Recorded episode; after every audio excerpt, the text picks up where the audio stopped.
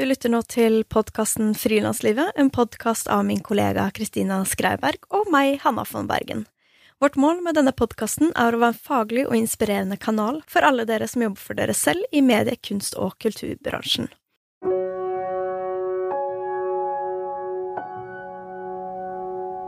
Ukens annonsør, det er Frilansfinans. Hvis du som frilanser har behov av å fakturere en kunde, men du ikke har et eget firma, så kan dette være løsningen for deg. Frilansfinans de fakturerer nemlig på vegne av deg, og du mottar ansattlønn på konto innen fem dager. De fikser altså skatt, de fikser moms, de fikser det som trengs å fikses, og du sitter igjen med en vanlig lønn. Jeg har tidligere jobba med frilansere som har gjort mye oppdrag for meg uten at de har hatt eget firma, og da har frilansfinans vært en veldig fin løsning. Gå inn på frilansfinans.no. Lag deg en konto i dag. Det er gratis og helt uforpliktende. I dagens episode skal vi slå av en prat med kulturforsker Anne-Britt Gran ved Handelshøyskolen BI. Anne-Britt er leder for forskningssenteret BI Center for Creative Industries. Gran har tidligere vært med på å utvikle bachelorprogrammet i kultur og ledelse, og hun har også arbeidet ved Universitetet i Oslo, NTNU, Universitetet i Århus, samt vært teaterkritiker og kommentator i Morgenbladet. Gran har forsket på blant annet kultursponsing, teaterorganisering, kulturpolitikk, digitalisering og digitalt kulturkonsum. Vi har invitert Anne-Britt Gran hit i dag for å snakke om hvordan det står til med det norske kulturlivet, hvilke tendenser har vi sett uh, skje de siste årene, og, hvordan uh, har koronakrisen påvirket uh, kulturbransjen? Hva kan vi lære fra de tiltakene og aktivitetene som har oppstått det siste halvåret, og hva tenker Anne-Britt Gran om veien videre? Hei, Anne-Britt. Hei. Du har jo i mange år arbeidet med å se på kulturbransjen fra et forskningsperspektiv, både hva angår organiseringen, økonomien og kulturpolitikken, og jeg har lest at du er særlig opptatt av forholdet mellom kunst, kapital og kultur og næring. Mm. Hva gjør at du er særlig opptatt av dette? Jo, det skyldes nok at jeg jo har en uh, historisk uh, skolering fra Universitetet i Oslo. Jeg har jo både teaterhistorie og idéhistorie i fagkretsen. Uh, og da endte jeg jo opp med å se på liksom, teatret fra antikken og fram, og, og da i idéhistorien alle kulturformene fra antikken og fram. Og, og, da er det jo sånn at det er jo en veldig nær sammenheng mellom hvem som finansierer kunsten og kulturen, og hva slags kunst og kultur man får. Det er eksempel veldig stor forskjell på kunsten i middelalderen som kirken finansierte, og den vi fant når borgerskapet vokste fram, og vi fikk eh, institusjoner som alle kunne gå i. Sånn at det, dette er, det er ikke sånn, Jeg er jo ikke interessert i sånn i penger i seg selv. Ikke sant? Penger i seg selv, det er jo litt boring. ikke sant? Så det er jo sammenhengen mellom, mellom pengene og de, de føringene som alltid følger pengene og hvordan det da kommer til uttrykk, hva slags avtrykk det setter i kunsten og kulturen, som liksom er mitt anliggende. Uh, og derfor så kan jeg egentlig være hvor som helst, ikke sant? for jeg kan jo studere akkurat det samme på BI, ikke sant? bare der er det liksom litt mer fokus på liksom pengene er mer objektet for forskningen. Uh, men, men, for meg så kan jeg studere akkurat det samme som jeg gjorde på Institutt for musikk og teater på Blindern når jeg var der i, i mitt tidligere akademiske liv. Før vi dykker ned i det dystre kapitlet som jo er på en måte koronapandemien, så lurte jeg på om du kunne gi oss litt oversikt over hvilke tendenser eller hvilke vilkår som eksisterer i kulturbransjen eh, altså de siste årene. Og det er for å litt bedre forstå hvor vi kommer fra, nå som skal bevege oss inn i hva vi står i, og hvor vi er på vei. Og da, da, tror jeg jeg skal gjøre en liten begrepsopprydning her også først. For når du snakker om kulturbransjen, så vil jeg liksom kalle det for kultursektoren. Og inni kultursektoren er det mange bransjer, f.eks. musikk, litteratur og visuell kunst osv. Når jeg snakker om kreativ næring, så snakker jeg om et mye større begrep, som jo da er både kultur- og mediesektoren, og arkitektur og design og spill og den type ting. Så vi har liksom begrepene i orden, men vi holder oss da til kultursektoren, som er liksom de gamle kulturformene eh, i og for seg. Og det som kjennetegner de, det er jo selvfølgelig digitaliseringen. Digitaliseringen er jo en mye større revolusjon enn det boktrykkerkunsten en gang var, fordi den påvirker jo alle bransjer, og så til de grader. Og det viser seg jo da over tid, og som vi har sett på i, i en rekke sammenhenger, at det, det, begynner å bli vanskeligere og vanskeligere for flertallet av kunstnere og kulturarbeidere å leve av det de gjør i digitaliseringen i forhold til sånn som det var før. På forbrukersiden så har vi også da har vi jo fått en tendens til at mange, og spesielt unge mennesker, forventer jo at veldig mye av det som skjer på internett, skal være helt gratis, eller i hvert fall veldig billig. Eh, og eh, man har jo fått distribusjonsplattformer som har blitt eh, globale. Man har liksom flyttet distribusjonen fra liksom nasjonale, både offentlige og private eh, steder, til globale aktører. Og det er jo altså, Man har jo aldri hatt en sånn global, liksom nesten monopolistisk situasjon på distribusjonssiden eh, som det man ser nå. Så disse endringene altså, de er på en måte så voldsomme at jeg tror ikke vi og vi, jeg tror også vi er helt i begynnelsen av den revolusjonen, men vi ser jo noen tendenser, og, og de fortsetter liksom i samme retning. Eh, men jeg tror som sagt det er, bare, det er bare begynnelsen. Men vi er jo i Norge, og da er det veldig viktig å si at den norske konteksten for, for koronaen og for, også for digitaliseringen, er jo da at vi har veldig mye offentlig støtte. Så at vi er, jeg pleier å si, Norge er et kulturpolitisk lykkeland når vi sammenligner oss med alle andre. Og det er jo veldig fort å glemme når man bor her og aldri har vært noe annet sted, så tar man jo eh, alle disse privilegiene på en måte som en selvfølge og sutrer kjempehøyt hvis eh, noe går ned en halv prosent. Eh, men vi må huske nå, i den store sammenhengen, så er Norge, Norge veldig veldig privilegert med, med, penger og penger på bok. Og det gjelder jo også hva vi har muligheten til å gjøre i, eh, i denne koronapandemien. Så det mener jeg at vi må, vi må være takknemlige over det. Dette gjelder jo utdannelsessektoren, og altså gjelder jo veldig mange andre sektorer, og kultursektoren, og hele, hele eh, samfunnslivet er ramma av denne pandemien. Så må vi innimellom, kanskje daglig vil jeg si, minne oss selv på at vi er veldig privilegerte. og en, en liten takt for det. Mm. Enig.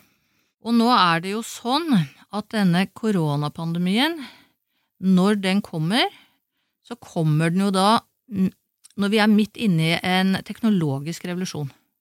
Og jeg mener at det er helt avgjørende for å forstå hva slags påvirkning koronapandemien vil ha på kultursektoren, både i Norge og i utlandet. Hadde dette skjedd i, eh, på tidlig 70-tallet, så ville dette bare vært en parentes. ikke sant? Det var litt vanskelig å uffa meg i et par år, og det kommer nok til å vare litt til. Eh, og så ville man gått tilbake til det samme. ikke sant? Noen ville ligget nede, og noen andre ville dukka opp igjen. og sånn. Men det ville ikke skjedd liksom, noe paradigmatisk skifte eh, i kultursektoren.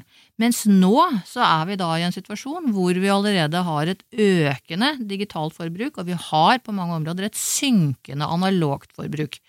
Eh, og hva er det som skjer på alle fronter med koronapandemien? Jo, at vi blir mye mer digitale fordi at alt annet er forbudt og livsfarlig. Eh, så koronapandemien blir på en måte eh, den sterkeste driveren i å digitalisere mye fortere. Eh, og det er da denne timingen ikke sant? Jeg, jeg, jeg, for å si det sånn, jeg er veldig redd for, for koronapandemien som, som, sykdom, men jeg er mye mer redd for digitaliseringen for den norske kultursektoren på sikt. Ikke i morgen, ikke over i morgen, men ti år fram. Eh, og da når vi liksom får denne, denne kombinasjonen da, som jeg kaller det er liksom veldig dårlig timing. Det kan være muligheter i det òg, vi ser det musikk, i musikkbransjen. Eh, tar noen grep og sånn. Eh, men det er, det er, det som gjør at vi kommer til å se veldig langsiktige konsekvenser eh, av koronapandemien i digitaliseringen, og vi vet ikke riktig Eh, hvordan det kommer til å se ut på andre sida. Jeg kan si akkurat det samme om utdannelsessektoren, som jo da faktisk går gjennom en enda raskere revolusjon, for vi var ikke så digitale på forhånd, eh, som ligner på det som skjer, skjer i kultursektoren. Vi kommer aldri, tror jeg, høyere utdanning i Norge til å gå tilbake til en, en skolehverdag som vi hadde. Du har jo uttrykt deg i bl.a. blant annet Kulturplott, nettmagasin, om at kultursektoren digitaliserer seg til fant. Eh, vil du fortelle litt mer om hva ja, du mener med det? var Det jo særlig i begynnelsen da, og, og vi kjenner jo det liksom digitaliseringshistorien fra både da pressen og, og, fra musikkbransjen, hvor det var mye gratis og mye pirat før man begynte å skjønne at man måtte ta betalt for dette. Man har jo levd under hypotesen at det som skjedde på internett var markedsføring ikke sant, for the real thing. Eh, og det tok jo ganske lang tid før man skjønte at det var the, the real thing. Eh, og det er jo kanskje det, det man nå liksom må passe seg for da, med disse online-konsertene, som da ikke bare blir et eh, er noe man gjør nå og skal være reklame for artistene og bare er et unntakstilfelle, men at det vil være noe som, som vedvarer. Og da, da, er det ikke noe vits å gå i den gratisgrøfta en gang til, for det har vi sett hvordan det har gått i bransje etter bransje, så, så man må bare slutte med det. Og nå gjorde det jo det, dette var noe jeg, noe jeg sa under et annet tidspunkt i koronapandemien, så nå mm. tror jeg det er ganske mange som er, er enig i det, og det har jo også kommet mer betalingsløsninger og, og sånn, særlig i musikkbransjen. Men dette gjelder jo også andre bransjer, for det var jo det samme når man lagde teaterforestillinger online, så var jo mange av de, de fleste var jo også gratis, og sånn museumsutstillinger, omvisninger så jeg selv liksom på private Eh, var gratis, og så tenkte jeg nå gjør de akkurat det samme, bare begynn å ta betalt med en gang, og man trenger ikke ta så mye betalt, men det bør ikke være, være gratis. Og det, mm. og det, gjelder jo for mange av, av, disse kulturbransjene fremdeles, at man bør bruke denne tiden egentlig til å utvikle plattformer og, og liksom forretningsmodeller. Man bør eksperimentere med forretningsmodeller for den kommende digitale framtid, for, for den kommer til å komme kjernebrukerne av en del av kulturformene er i ferd med å gå ned. Nå er den siste fra 2016, og den kommer ikke før, ny kommer ikke før eh, neste år, så da vil vi fange opp korona òg. Men tendensen har jo vært der, og det er egentlig livsfarlig. For det er jo sånn at det er liksom den velutdanna middelklassen som er kjerneforbrukeren ikke sant, i kultursektoren. Det er ikke til å komme fra. Og når de de ser nå ut som gjør andre ting. Og det er også en sånn langsiktig tendens, hvis liksom den fortsetter. Ikke sant? Og det handler om å gå på, på, på teater, det handler om å gå på utstillinger, eh, bruke biblioteker, lese bøker. Eh, mange av disse, disse liksom litt sånn klassiske borgerlige tingene man holder på med, gå på klassiske konserter osv., osv. Eh, så har jo de vært Uten dem så ville de institusjonene virkelig slitt. Så hvis det også er en sånn strukturell endring da, som, som fortsetter, digitaliseringen fortsetter, det kan man si med sikkerhet. Og så hvis da middelklassen da på en måte svikter eh, arenabesøket, da, da skal det bli veldig interessant å se hvordan disse kulturformene som forutsetter at du går et sted, inn ja. i et annet bygg og, og, og om det, det, Dette er jeg veldig, jeg er veldig stuss, altså, over eh, liksom de, de, de stedspesifikke kulturformene, hvordan de vil ha det framover altså med, med, digitaliseringen, ikke med korona. Det er jo de òg, da. Det er jo de nå som blir rammet av korona, ikke sant? og som blir mer digitale. Og, og, da sier jo, ikke sant, her er liksom kultursektoren er jo veldig optimistisk, og teater, og du hører de sier hele tiden og digitalisering, og det blir så mye viktigere. og komme sammen og møtes og levende mennesker, og, og det vil liksom forsterke behovet for møteplassen og arenaen og dele kulturopplevelser og sånn. Og jeg vil jo også gjerne tro på det. Det høres vakkert ut, og jeg er for det. Jeg er jo en generasjon Jeg er jo vokst opp med det, men, men, men jeg er veldig i tvil, altså. Fordi det, det, det digitale liksom, det, endrer, det, endrer resepsjonsformen vår, og det endrer jo også hva vi ser og venner oss til å se og høre på på måter som er så, liksom, så dyptgripende. Jeg er ikke så sikker lenger altså, om, om liksom neste generasjon uh, vil løpe til konserten og, og, og til teater og, og, sånn. Jeg er ikke sikker, altså. Ja, jeg har jo dette skrekkeksempelet. Jeg overhørte denne samtalen i i eh, forelesningssalen på, på BI hvor jeg har eh, forskjellige kurs. da. Eh, og det ble ikke sagt til meg, ikke sant? jeg bare overhørte det. og De snakket om en kompis som, som da hadde sagt at han skulle ønske at hele Øyafestivalen var streama, sånn at han slapp å gå på konsert, for det var så jævla slitsomt. Eh, nå var ikke de han snakka med enig i det, da, for de sa nei, men det er jo kjempegøy. Og liksom hei, hei, skjerp liksom, og, og, da, og, da, tenker jeg på jeg, jeg, liksom Ja, jeg lurer på om, om disse skjermtrolla, som jeg av og til kaller uh, unger som bor inne i mobilen sin, altså om de skjermtrolla om, om, de kommer til å ha behov for det. Jeg er ikke så sikker. Det må man ta liksom virkelig på alvor. Ikke sant? Og det kan man egentlig begynne å jobbe med nå. Da, at man må digitalisere på måter også som styrker besøket av de fysiske arenaene. Sånn at mm. digitaliseringen ikke bare blir et supplement. Og det, og det, tror jeg ikke man er bevisst nok på. Man digitaliserer og bare tror at det er bare noe man gjør på sida, men så, så overtar det, så er det det som blir det ekte produktet, og det forbrukerne og konsumentene foretrekker. Da. Og mm. det, da vil jo kultursektoren slite, altså, for det er ikke det som blir finansiert. ikke sant? Det, det som koster penger i Kulturdepartementet, det er jo de store institusjonene. Driften av de store institusjonene. Har gjort mest inntrykk på deg under dette siste koronahalvåret? Jeg har nok vært sånn, i det store og hele vært mer opptatt av pandemien som en sykdomspandemi enn dens effekter på kultursektoren, mm. og med redsel for familie familier med risikogrupper og i det hele tatt. Eh, så, så det skal vi nok ha i, i, i minne når vi diskuterer dette her. At det er alvorlig, og det er alvorlig for, liksom, for hele norsk økonomi og for hele verdensøkonomien. Og liksom, at det, det, overskygger nok betydelig liksom, ja, min resepsjon av, av, pandemien. Men når vi nå da går til, til kultursektoren, så, så ja, jeg kanskje, var kanskje litt overrasket over hvor fort den hopper stoppet, da. ikke sant? At når, det, når den stengte ned, så var det jeg, jeg, tror vi var i sjokk. Jeg tror det egentlig var det som skjedde liksom 12. mars, at det, man var så i sjokk, så når man fikk beskjed om å hoppe, så hoppa vi alle sammen, og liksom stengte campus og museer og teater, og liksom alt stengte med en gang. Eh, men, men, så har jo jeg tenkt at, liksom, at veldig fort så kunne de jo kommet tilbake og sagt at det er ganske mye vi kan gjøre ikke sant? Det, da snakker vi om offentlige institusjoner, ikke sant? hvor det også jobber frilansere. Eh, det var ganske mye man liksom kunne gjøre og overholde disse reglene. og Det var liksom ingen som slo på stortromma for det. ikke sant? Og det, det overrasket meg litt. Og når det kom noe, så kom det typisk fra, fra fra de som jobba der, fra skuespillerne og sånn, som ville tilbake til jobb.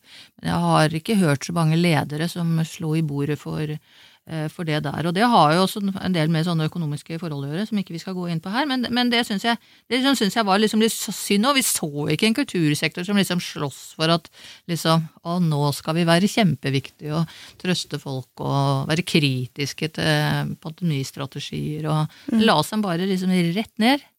Eh, og, og, og, ble der. Og så har det jo vært selvfølgelig mest eh, oppmerksomhet rundt de bransjene som ble stengt, og med da livebransjer som, som musikk og musikk og teater, eh, naturlig nok. Da tenker jeg at, Og det er også veldig viktig, at vi må skille veldig mellom de eh, bransjene som blir direkte rammet eh, ikke sant, av koronarestriksjonene. Dere får ikke lov til å spille konserter eller sette opp teaterstykker. Eh, og for eksempel bokbransjen, som jo også blir, ble ramma, men som fremdeles kunne skrive bøker og mm. produsere mm. bøker. Eh, så vi kan egentlig ikke her, det ser vi på tallene, vi kan egentlig ikke snakke om kultursektoren i sånn, i liksom under ett, fordi at de ulike bransjene ble ramma veldig forskjellig, og som også henger sammen med hvor mye økonomisk eh, støtte de har fra det offentlige. Ikke sant? Jo mer offentlig støtte, jo mindre eh, økonomisk ramma ble jo den delen av, av sektoren, da. Og hvordan syns du at kulturbransjen har, eh, eller bransjen, kultursektoren, eller da mm. undergrupper, har eh, reagert på krisen? Ja, ja det syns jeg var veldig interessant. Eh, for det, liksom det, første var at jeg reagerte på denne her, liksom at vi bare legger oss helt flatt og hopper. Som jo ikke er mulig å gjøre samtidig, hører jeg nå. Men du skjønner hva jeg mener. Mm. Og det andre var jo, og det var liksom noe jeg oppdaga når jeg leste alle de åpne åpne svarene på denne store undersøkelsen med nesten 3000 respondenter i, i kultursektoren, som vi gjorde for uh, Kulturrådet, og som skal opp igjen til høsten. Uh, for da kunne de sånn, det var kryssa masse kvantitative greier, og så var det jo som spørsmål da, om hva de syntes om støtteordninger og, og, og, det da, som kom fra det offentlige. Og det som slo meg da, det var eh, Det var på en måte hvor litt jeg tror jeg skal kalle det, det var litt sånn lav kriseforståelse eh, hvor, hvor, man, hvor liksom kravet om forutsigbarhet ja, det var veldig tydelig ikke sant, før sommeren, fordi at man ville gjerne vite hvor mange man kunne ha på festivalen. Man kan forstå det, men det var, men, men man må også forstå at det er liksom eh, smittespredningen. ikke sant, At det er rene liksom, pandemiske hensyn som tas når man lager disse reglene. Det er ikke den enkelts sektorbehov. så det er sånn Å slå på stortromma om at nå må vi liksom få ordninger og antall mennesker og, og, og, centimeter mellom skuldre eller øyne, liksom, på plass en gang for alle og la det vare i halvannet år og sånn. Altså ikke den, det at, man, det at man på en måte håndterte ganske dårlig denne, denne usikkerheten, da. Og det ser man i andre bransjer. Det er ikke noe typisk for kultursektoren. Jeg kan tenke at kultursektoren kanskje er litt mer fleksibel, og den er jo så risikofullt og liksom ustadig ellers òg. Så, så at, liksom, at konteksten ble så ekstremt usikker, da. Og flytende, det, det var jeg litt overraska over at det ikke ble håndtert annerledes. Men, men, men, jeg så jo også at det var et sånn, sånn rop om hjelp, og det er helt krise, og vi går konkurs, og, og, vi må vite det, og vi vet ikke hva vi skal gjøre til sommeren om vi skal avlyse, og, og, eller Så jeg forstår det, men, men det for meg avspeilet veldig det at vi er ikke vant til å leve i kriser. Vi er ikke vant til å håndtere den type usikkerhet over tid. Eh, og det som også slår meg nå, siden vi har fått en liten backlash til høsten, og jeg selv har gått inn i et høstsemester som plutselig ble helt annerledes enn vi hadde forestilt oss, og nå er vi egentlig sånn om å legge alt om igjen, liksom. Men at vi er også vant til at det, For før sommeren da så gikk jo alt liksom i riktig retning i Norge, alt gikk liksom mye bedre, og jeg tenker at vi er også vant til at når man begynner på en tendens, ikke sant? At det, at det, fortsetter i samme retning. Ikke sant? Så da begynte plutselig alle å planlegge som at nå var det bare to smitta i Norge hver dag. Det kommer til å være noen etter sommeren, og det, alt er greit igjen og sånn. Så, så det, det, er så mange ting vi nå ikke er vant til å håndtere, da, og det så jeg også veldig tydelig i, i, i kultursektoren. Og jeg syns den gjør noe av det samme nå når det kommer disse stimuleringsmidlene, og jeg har gått gjennom ballade og noen artikler her, og da, der ser jeg liksom dette, igjen dette kravet da, til liksom langsiktighet og forutsigbarhet. Ikke sant? At støtteordningene må vare så og så lenge, og vi må liksom gjøre ting som vi kan forholde oss til. Men, men, men, det kommer jo ikke til å skje. Disse støtteordningene er rigga for å kunne tas ned med en gang når det ikke trengs. Ikke sant? Og man kommer ikke, selvfølgelig, ikke til å opprettholde de lenger enn det man må. Og meter og antall mennesker og sånn, det er smittesituasjonen, spredningssituasjonen og denne R-en som bestemmer det. Eh, og veldig mange av disse beslutningene ligger jo heller ikke i Kulturdepartementet. Ikke sant? Så det er det så jeg også på disse tilbakemeldingene, at, at nå må liksom kulturministeren rydde opp. Men veldig mye kulturministeren ikke kan rydde opp i når det gjelder denne situasjonen. Det ligger mm. rett og slett i, i andre departementer. Så, så sånn litt sånn lav kriseforståelse, og den, det, det, tror jeg ikke kanskje er noe spesielt med kultursektoren. Det tror jeg du finner liksom overalt. Eh, men nå syns jeg den vedvarer litt, da. Ikke sant? At man må ta inn over seg at det kommer Kan fort bli endring. Kan fort, fort bli sånn at man bare kan være fem fem sammen, sånn som det var i begynnelsen. Det å skulle love langsiktighet her på alle, på liksom på alle nivåer, det, det Sånn er, ser ikke livet ut for noen av oss. Ja, det er et veldig viktig poeng. Og vanskelig å forholde seg til, for jeg tror mange også på et personlig nivå eh, på en måte gikk litt inn i krise og syns det er vanskelig Når mm. man er vant til å planlegge livet, man er vant til mm. å ha veldig høy grad av stabilitet, mm. så mm, er det uvant å eh, ha en veldig lav grad av stabilitet. Ja, ja og så tror jeg altså, Vi har ikke noe sånn stamina. altså Vi har ikke noe utholdenhet på dette heller. For vi kunne, vi kunne liksom klare en uke eller to og tenke at det var over til påsken, og så var det i hvert fall over til 17. mai og så, var over, og så var det ikke det. ikke sant? Så den der liksom, kriser er liksom noe akutt, varer liksom noen uker.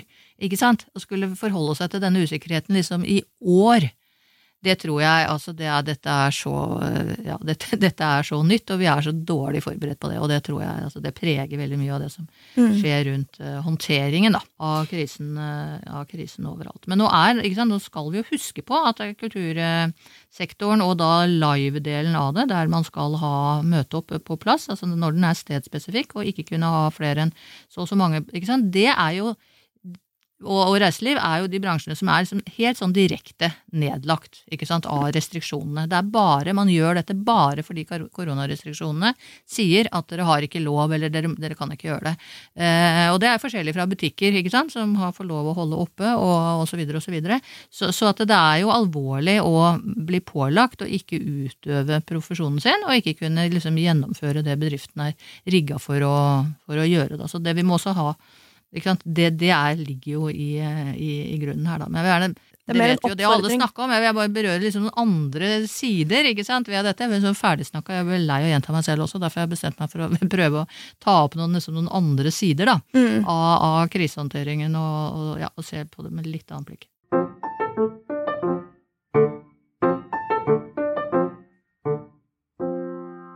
Du har jo nevnt det også, men du har jo hatt flere undersøkelser den siste tiden som har sett på koronakrisens påvirkning på kultursektoren, på oppdrag fra Kulturrådet. Så det er denne store undersøkelsen hvor over 3000 eh, individer og bedrifter har svart. Også det var i mars og april, og det er viktig å si fordi mm. jeg tenkte at vi skulle bevege oss litt inn i hvordan eh, bildet for kultursektoren så ut i mars og april. Ja, og um, musikkundersøkelsen. Musikkundersøkelsen nå, ikke sant? Så har det også vært involvert i en annen rapport, på mhm. oppdrag fra annet Musikkindustriens næringsråd, mm. med tittel 'Krise og kreativitet i musikkbransjen'. Kan du fortelle litt mer om disse undersøkelsene, og hva som har vært de viktigste funnene? For det første var det jo sånn at når dette inntraff, så gikk, tok det ikke lang tid før liksom veldig mange bransjeaktører og Kulturrådet fant ut at det, dette, nå må vi begynne å måle hva som skjer med en gang, liksom, for å finne ut eh, hvordan, eh, hva er status eh, quo i forhold til inntektstap, og, og ja, hvordan de, alle disse støtteordningene som kom etter hvert fra ulike hold, hvordan de da fungerte. Så jeg tror vi omtrent begynte liksom i 28. mars eller noe sånt, altså liksom med en gang med musikkbransjeundersøkelsen. Mm. Som jo det er jo selvfølgelig prega, for det er jo spørreskjemaer og alt der. ikke sant. Det er laga i veldig tidlig fase, og det samme gjelder eh, Kulturrådsundersøkelsen, selv om den gikk ut litt, gikk ut litt uh, senere. Uh, og da var jo målet da, jo, ikke sant, og rett og slett å si hvor mye penger har de tapt, og litt sånn framover, hvordan ser dere på, på fremtiden? Og i musikkbransjeundersøkelsen, så, altså den som bare handla om musikkbransjen, så så vi også ganske mye på alle, alle disse nye online altså strømmeinitiativene, og hvor mye penger, eller hvor lite penger, hvor mange hadde tjent på det. Og vi så også på, på hvordan dette slo inn på sponsorene. Det gjorde det faktisk. De både fikk mindre penger fra sponsorene, og noen droppa helt ut og sånn. Eh, så den, den, tar for seg mange flere temaer. Det er mye lengre spørreskjema, rett og slett, enn den som var eh, i, i, i Kulturrådet. Og da finner vi jo ut da at, at det er da store bransjeforskjeller, rett og slett. Eh, hvor eh, scenekunst og musikk er de bransjene som blir ramma mest. Og det er jo ikke så rart, fordi det er de selve restriksjonene rammer, ikke sant, ikke kunne ha besøk på plass. Og det ligger rundt liksom 100 000 som de har tapt siden 12. 12. mars, hvis vi skal ha litt kroner og øre her. Det er det inntektstapet man har hatt på tidspunktet, men også inntektstap som ligger foran i tid, for man får jo gjerne avlyst ting. Så det er det de har opplevd da. Dette ble jo sendt ut i april eh, allerede det de hadde tapt på daværende tidspunkt for hele 2020.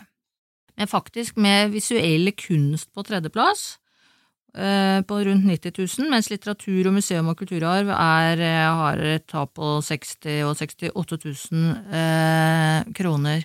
Eh, og da at det er mindre her, er selvfølgelig fordi det er mer offentlige penger, og for at litteratur- eller bokbransjen da er jo mindre direkte berørt på det tidspunktet. Men så sier jo de også, for forfatterne sier jo også at de har mista mye sånne leseoppdrag, ikke sant, og reiser rundt og sånn. De tjener penger på det. Det er jo live, ikke sant, og det ble jo mm. også avlyst. Opptredener på lesing på biblioteker og sånn. Men de kan jo fortsette å produsere bøker, da. Så jeg, jeg, jeg var jo ikke Det er ikke noe overraskende her at scenekunst og musikk ligger så høyt. Det er mer overraskende, syns jeg, at, at, både museum og kulturarv eh, er såpass høyt på dette tidspunktet. Jeg syns også det er, er, overraskende ikke sant? at det er såpass høy. Det er lavere for litteratur, men det er fremdeles ganske høyt. Altså. Og totalt da, i snitt av bransjene så er det på rundt 90 000. Så, så, så, at det er, ikke sant, vi ser her, alle har hatt tap, eh, det er bransjespesifikt. Hvor mye er dette? Høres kanskje ikke så mye ut med 100 000, ikke sant? Så da må vi jo se med hva er det disse folka tjener. Så jeg syns det mest overraskende i denne rapporten for Kulturrådet er faktisk ikke egentlig hvordan eh, koronakrisen har eh, slått inn, for det var ganske forutsigbart, ikke sant? Det var ikke noe sånn wow, liksom. Eh, det var ganske forutsigbart. Men vi spør jo her også, da, for vi må jo se hva tapet ikke sant, for stort det er i forhold til inntekt. Så vi må jo spørre da, eh, hva de har tjent oppgitt årsinntekt for 2019. Eh, både totalt og for inntekt da fra liksom kunst- og kulturvirksomhet. Og da er altså De tjener så lite ikke sant? Og det ligger Altså, kunstnergruppene ligger liksom stadig lenger og lenger unna liksom gjennomsnittsinntektene i, i, i, Norge. Nå har vi ikke gjort noen systematisk sammenligning med Telemarkforsk, og det kan man ikke gjøre heller hvis ikke spørsmålene er liksom helt like og det er inndelt i kategorier og sånne type ting, men det gir jo et, et slags bilde at det går ikke meget bedre nå. Og da, da tror jeg jeg skal nevne noen av disse tallene. Eh, og her er eh, musikk eh, Musikk er ikke inne i disse tallene, for den, det var bare i vår rapport. Det er høyere musikkbransjen er der man tjener mest på kunsten sin, det er Mm. rundt 420 000. Men totalt altså, i kultursektoren, eksklusive musikk, så er inntekten på 316 897 000 kroner, og gjennomsnittsinntekten i Norge nå ligger vel på 560 000, eller Ja, et eller Det er ganske markant forskjell, ja. Ja. Og så ser vi på forskjellene mellom de, da, så er scenekunst på rett i underkant av 400 000. Eh, museum og kulturarv eh, 336, litteratur 326 og visuell kunst 264. Og dette betyr jo, ikke sant, at eh, de, det er veldig vanskelig å leve av dette. Det er liksom flere hundre tusen under gjennomsnittsinntekten i Norge. Eh, og hvis man bor i storbyer, som disse folka bor, og halvparten av kunstnerstanden bor i Oslo, så, så sliter vi jo litt her, ikke sant? Og det betyr jo at de har en annen jobb eh, ved siden av. Og da er totalinntekten, og den er ikke så høy den heller. Gjennomsnitt, eh, gjennomsnittlig årlig inntekt med alt er på 428 000. Ikke sant? Det er jo også kjempelavt. Mm. Og her, her er det større forskjeller. ikke sant? Her er liksom forfatterne på over 500, scenekunst eh, 480, eh, museum 430, så det er forskjeller her også. Men selv det, selv med da liksom all inntekt, så er det, er det så lavt. Ja, og da vil jo også si at når eh, en stor del av den inntekten forsvinner, så blir man jo enda, enda mer sårbar. Som kanskje også ligger litt til grunn for eh, hvordan kultursektoren har reagert, ja. Ja, selvfølgelig. Og når du tjener, da, hvis vi bare tar visuell kunst der, da, hvor, eh, som jo er jo en sånn ensom eh, bransje, det er jo, det er jo atelieret ditt i en eller annen forstand. Så når du har tjener 264 000 og har da tapt liksom 91 000, det er jo nesten, altså det er jo langt eh, over en tredjedel her, så er det jo selvfølgelig kritisk, ikke sant? Fordi de, det som høres ganske lite ut i eh, mange andre bransjer i Norge, at 100 000, det, det går jo ikke under av, liksom.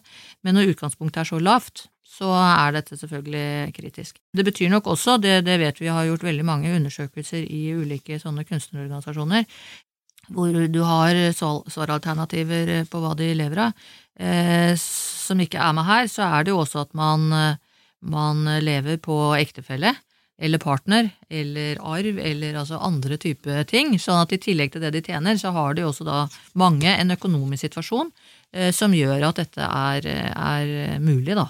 Eh, og det går jo ikke fram av disse tallene her, for det er jo deres egen inntekt, ikke sant, ikke hva som nødvendigvis betaler husleia. Eh, men det sier jo veldig mye om de økonomiske vilkårene eh, for kunstnerstanden, kulturstandene i, i Norge nå da, og under denne ikke egentlig koronaepidemien primært, men digitaliseringen. For det er jo ikke koronapandemien som forklarer at de har tjent så lite i 2019, ikke sant? Det er jo utviklingen de siste ti årene, hvor kultursektoren taper da for eh, resten øvrig, øvrig næringsliv. Og det er alvorlig, og det er jo et mye mer strukturelt problem, ikke sant? enn en eh, koronapandemien, for den kommer til å gå over i en eller annen forstand. ikke sant? Mens dette tar vi jo med oss videre inn i framtida. Og nå har jo kunstnerstanden liksom ropt og skreket om dette, og det går går jo sakte, men sikkert opp for departementet òg. De prøver å gjøre noe med det, det er jo ikke det. Men, men hvis dette fortsetter da i samme nedadgående spiral, så, så står man overfor et veldig stort eh, problem, altså for flesteparten som eh, jobber i kultursektoren og ikke er fast ansatt ved en offentlig institusjon. Ja, absolutt. Går i feil retning, rett og slett. Ja, det går i feil retning. Det går i feil retning, altså.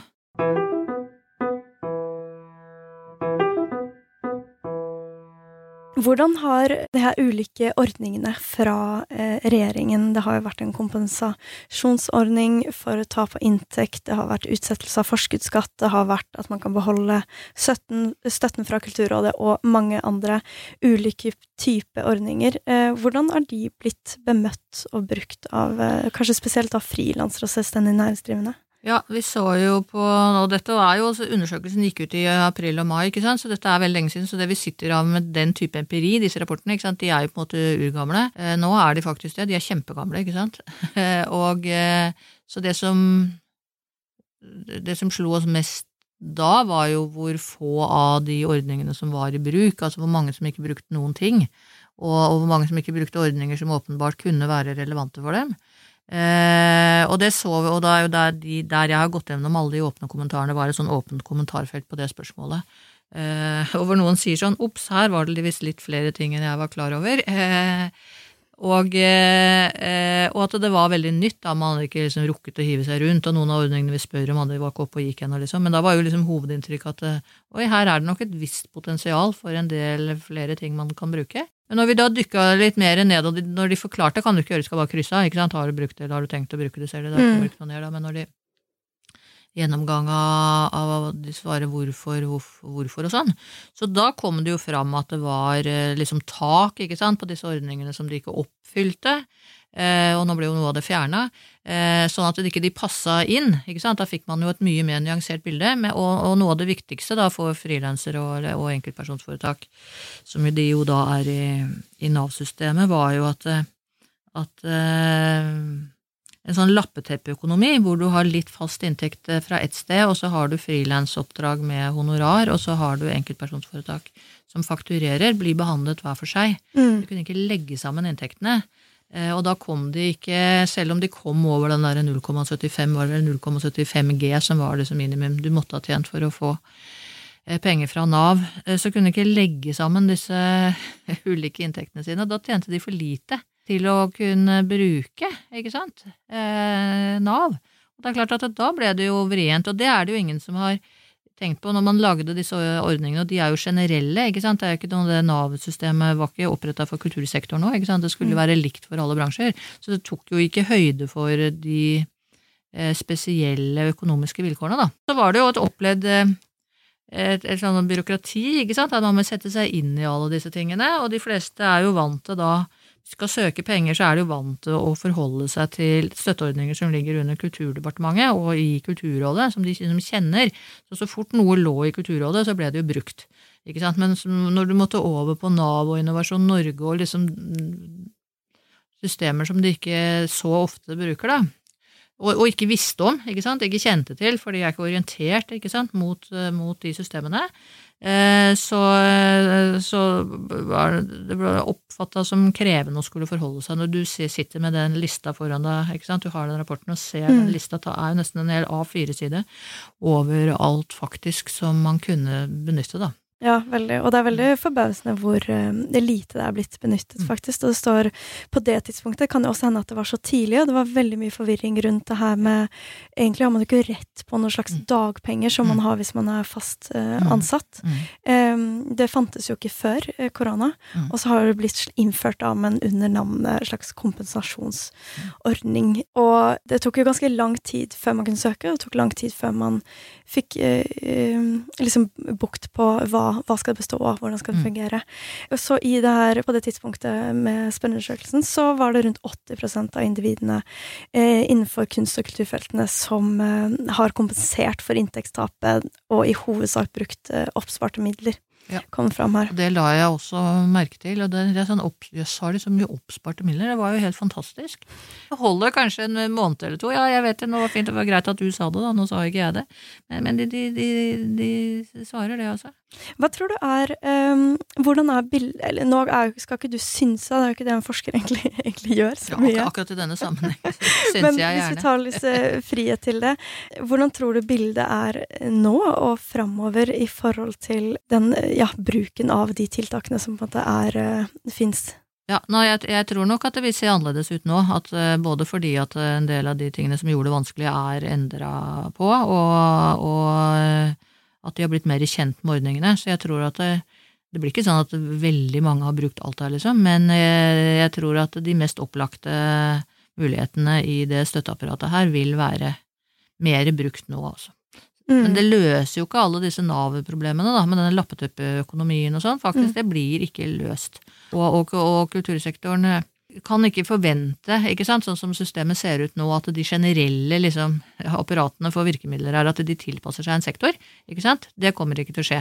Så, men der kompenserer jo nå på en måte Kulturdepartementet da, med den nye stimuleringsordningen, og det er jo viktig nå, det jo, ble jo uttalt helt eksplisitt, at nå måtte man prøve å se på litt sånne bransjespesifikke behov i forhold til hvor vi var nå, Så, og det er bra, ikke sant. Det syns jeg er bra.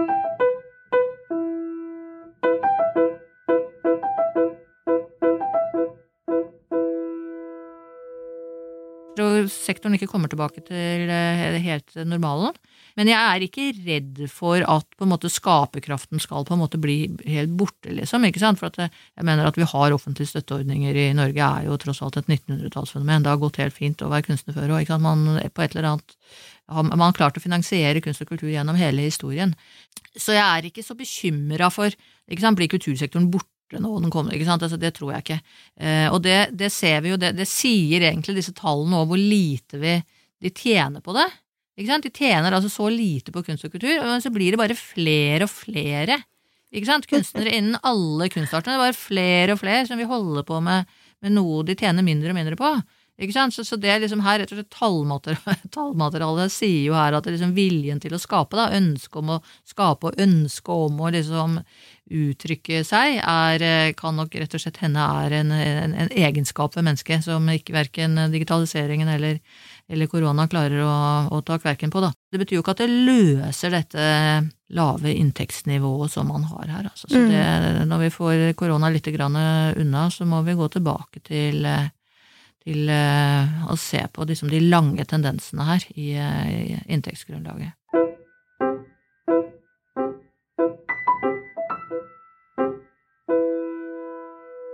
Nå er det jo det er mye, det er mye tungt materie. Altså at det går dårlig, folk tjener lite, eh, middelklassen flykter. Mm. Det, det, ja. Digitaliseringen gjør at man tjener enda mindre. Ja. Folk sitter hjemme og heller forbruker, eh, forbruker kultur der. Er det, er, det noe, er det noe positive tendenser som skjer?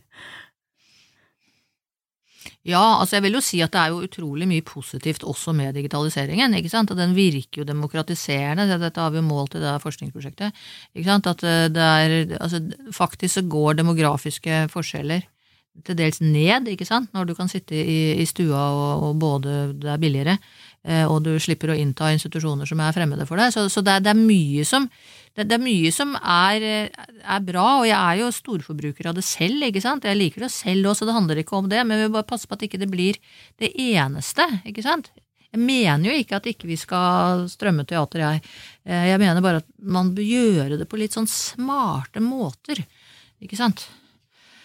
Og det er jo ingen som sitter med liksom Dette har vi ikke fasitsvar på, men jeg tror vi bør begynne å tenke veldig grundig gjennom ikke spørsmålet om man skal digitalisere eller ikke. Den tror jeg vi er ferdig med. Det skal digitaliseres. All kulturliv, all kulturliv skal digitaliseres, og da vil det bare handle om hvordan det skal digitaliseres, på måter som også kan styrke ikke sant, oppmøte i de gamle institusjonene og på de fysiske plassene, så ikke digitaliseringen blir det eneste tilbudet. Jeg er ikke noe redd for at vi ikke skal være innovative nok innenfor digitaliseringen, ikke sant, og etter hvert klare å få ut noen betalingsløsninger som gjør at det lønner seg litt.